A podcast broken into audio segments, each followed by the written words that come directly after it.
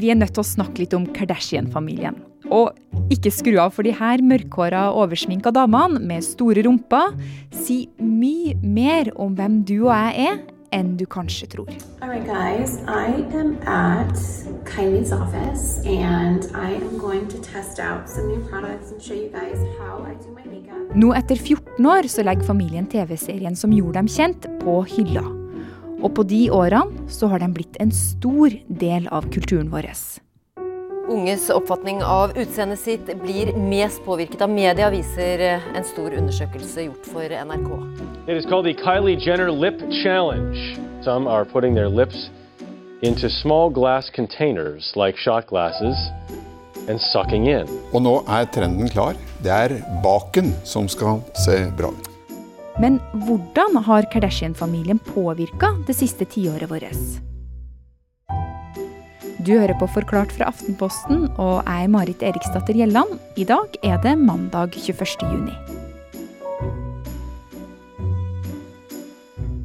Når jeg tenker på Kardashian, så tenker jeg på det som i det siste tiåret har blitt en av verdens mest kjente familier, og damer som har rett og slett bygd seg et imperie. Elisa Alexandra Gulbrandsen er journalist i Min Mote, og hun skal vi høre mye mer fra i denne episoden, men først så må vi gjennom en liten tirade med bokstaven K.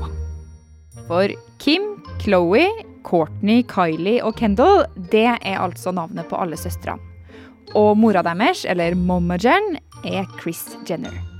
Men det som er så spesielt med denne Kardashian-familien, er at de ikke først ble kjent for å ha noe spesielle talenter eller evner. Nei, de ble kjent av å være kjent. Og for å menge seg med andre kjente folk. Kardashian-familien de ble jo først og fremst veldig kjent fordi de eh, Momager Chris Jenner fikk en veldig berømt ektemann etter hvert, som var advokat for OJ Simpson. Og så har jo jentene gjort sitt for å bli kjent på egen hånd også, med bl.a. Kim, som var eh, Paris Hilton, datidens største it-jente, sin stylist og personlig assistent. Og siden det så har det bygd på seg, da. I tillegg så fikk den nest eldste søstera, Kim Kardashian, utrolig mye oppmerksomhet da en sexvideo av hun og den daværende kjæresten hennes kom på avveie tidlig på 2000-tallet. Og noen mener til og med at denne videoen var det som fikk hele familien inn i rampelyset for alvor. Og i 2007 så kom gjennombruddet. No, no, no. You're right wind, guys. Is this necessary? No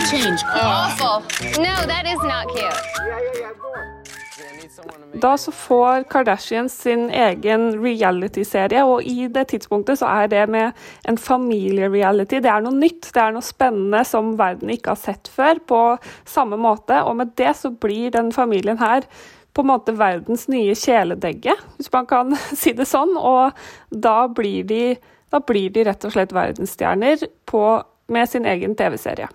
Ja, for serien den har jo gått i 20 sesonger fram til nå, og ettersom årene har gått, så har jo også familien rykka opp i kjendisverdenen og inn i sladrepressen. Men hvorfor? Det er kanskje fordi vi liker å følge med på, på ting eh, som skjer over der i Hollywood. Eh, de har levd et veldig, et veldig, annerledes liv enn deg og meg, regner jeg med i hvert fall. Hvert fall, I hvert fall annerledes enn meg.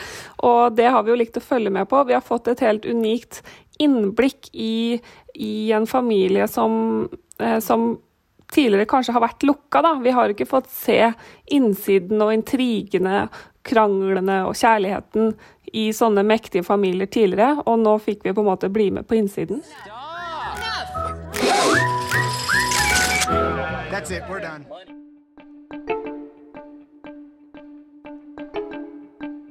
Rusmisbruk, utroskap, barnefødsler, Kim som gifta seg, stefaren i serien Bruce Jenner som kom ut som transkvinna Caitlyn Jenner, og utallige familieintriger. It just sucks it has to be so public. I'm not just a TV show. Like, this is my life. Rett og slett det å fråtse i kjendisgossip, og denne gangen fra innsida. Og nettopp derfor er det kanskje ekstra spennende at vi får være med på innsiden av en sånn her superkjendisfamilie. Vi får, se, vi får se ting vi ikke har sett før. Men det var ikke bare serien som skulle bli Kardashian-familiens eneste plattform. For da Instagram tok av i rundt 2010, så slang familien seg fort på. Og i 2012 så la Kim Kardashian ut sitt aller første bilde. Øynene var lukka, leppene forma i en rosa trutmunn, et slengkyss, rett og slett. Og når The Kardashians hopper på Instagram-toget Da tar det jo helt av. Og Kardashian-søstrene blir jo kanskje de første store influenserne verden har sett, da. I dag så er det den yngste søstera i familien, Kylie Jenner, med de store leppene, som har flest følgere, med over 240 millioner.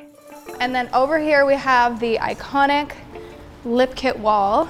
I like to do this lip kit wall in every single pop-up that I've ever done. Bare fotballspilleren Cristiano Ronaldo, artisten Ariana Grande og skuespilleren Dwayne Johnson The Rock har flere følgere. Kim Kardashian ligger på rundt 230 millioner følgere, og de andre søstrene, altså Kendal, Courtney og Chloé, har alle over 100 millioner følgere. De påvirker oss med alt fra eh, hva de spiser til hva de har på seg, og ikke minst eh, hvordan de ser ut. Og med det så skaper de jo verdensomspennende trender som vi, også vi her hjemme i Norge, plukker opp. For rundt om i verden så sitter millioner av mennesker og følger kontoene. Og om du ikke følger Kardashian-søstrene, så følger du sikkert noen som følger dem.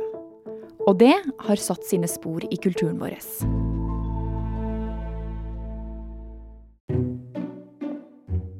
Forrige uke så tok Kardashian-eventyret på TV slutt. Men det markerer på ingen måte slutten for The Kardashians. De har tross alt bygd opp et imperium med sminkemerker, klesmerker og ikke minst på sosiale medier.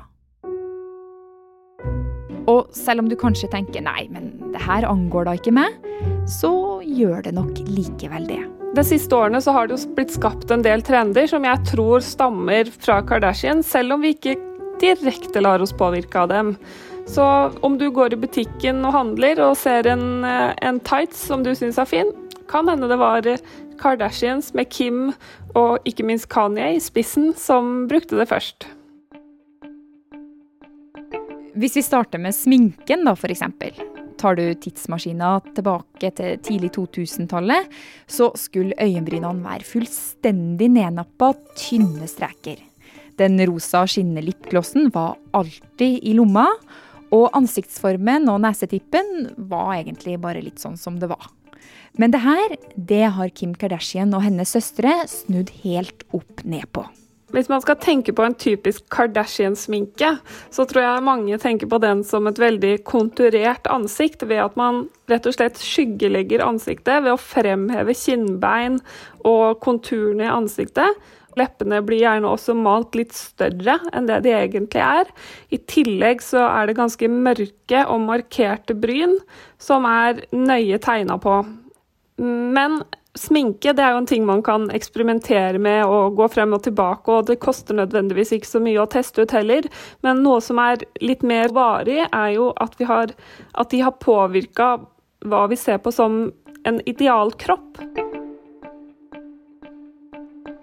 For de av oss som husker tilbake til 90- og 2000-tallet så var et kroppsidealet ganske annerledes enn det er i dag. Man skulle være veldig tynn, veldig hengslete, buksene skulle sitte lavt på livet, og du skulle ikke ha noe særlig former. Men med Kardashians så har dette her endra seg noe voldsomt.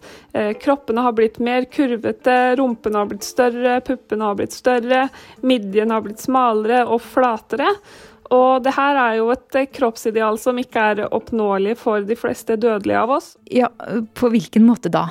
Vi har jo hørt historier og sett eh, flere titalls saker om at uh, unge jenter sliter pga. et nærmest uoppnåelig kroppsideal. Vi har sett saker om at plastisk kirurgi øker, at mange vil operere rumpa, at de drar til Tyrkia for å ta et Brazilian butt lift, og at vi til og med har begynt å trene rumpa hardere på trening med, med, masse squats og knebøy, som vi kanskje ikke hadde gjort hvis det ikke hadde vært for et nytt kroppsideal. Men det er ikke bare kroppsidealet som familien har vært med på å endre. men også det vi har på oss over, nemlig moten. Det som er litt spennende med Kardashian og mote, er jo at Kim hadde en hva skal man si, litt spjåkete stil før eh, Kanye West kom inn i bildet. Og etter han kom inn, som jo er designer for sitt eget merke Yeezy, så har Kim blitt hans eh, muse og postergirl, som har blitt kledd opp av han i en veldig liksom spesifikk stil som har vært eh, Det har vært jordtoner, det har vært mye sporty klær som rett og slett har blitt sin egen stil kalt athletisure. Det er veldig norske ordet athletisure, som har vært at man har gått i tights og treningsklær til hverdags, sånn at det ser ut at du kommer rett fra gymmet, bare at du ser veldig eh, fresh og ikke sliten ut. Og når superkjendisene med sin følgerskare på millioner av mennesker går i bresjen for en sånn look, så følger jo selvfølgelig klesindustrien etter. Og vips, så ender også mye av det du finner i butikkene med å stamme fra den superkjente familien sin stil. Så havner vi kanskje i Kim Kardashian-klær uten at vi helt eh, vet det selv også, for designere lar seg påvirke av trender, vi går i butikken og handler, og plutselig så har vi kjøpt oss en Kim Kardashian tights, da.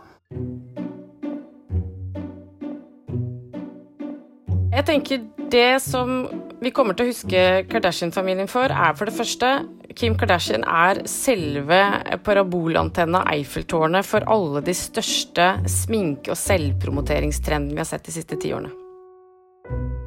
Ragnhild Brochmann, du er jo kunst- og motehistoriker og skribent i Morgenbladet.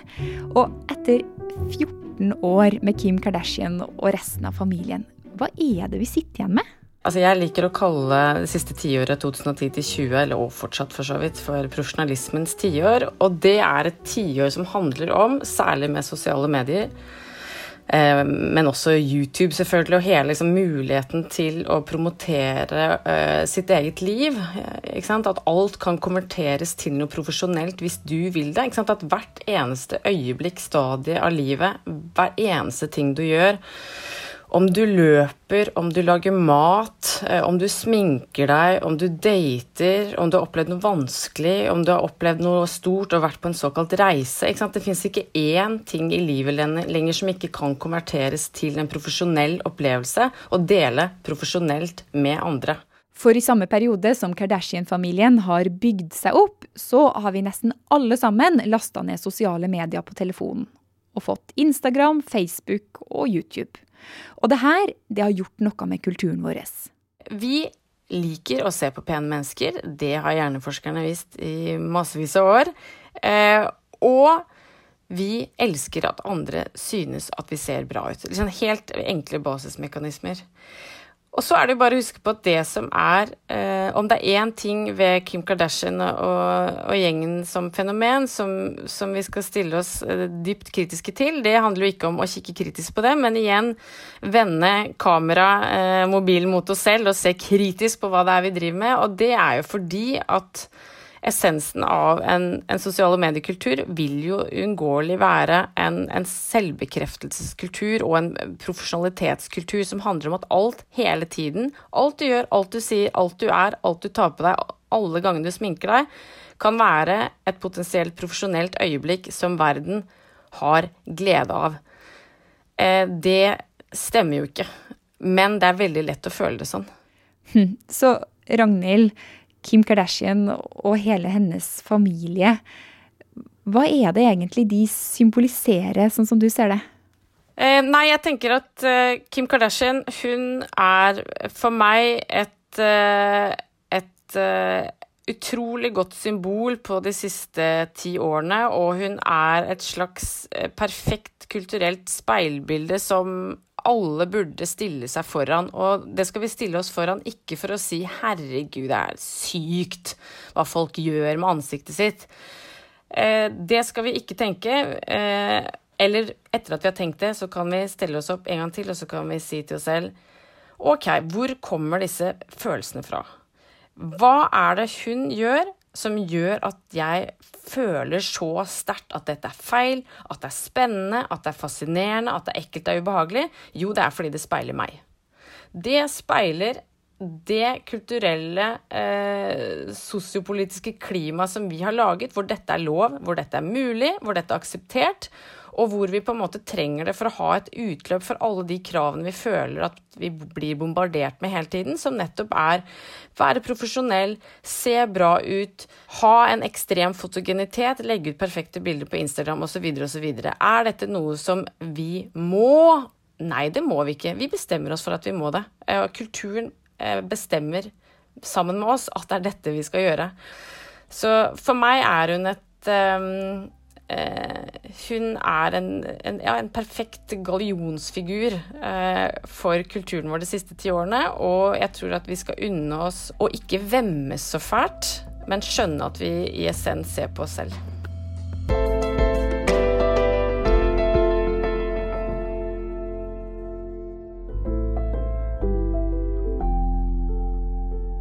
Denne episoden var laga av produsent Ina Swann og meg, Marit Eriksdatter Gjelland. Resten av Forklart er Guri Leiel Skedsmo, Anne Lindholm og Fride Næss Nonstad. Du har hørt lyd fra Kim Kardashian, I, Kylie Cosmetics, NRK og NBC.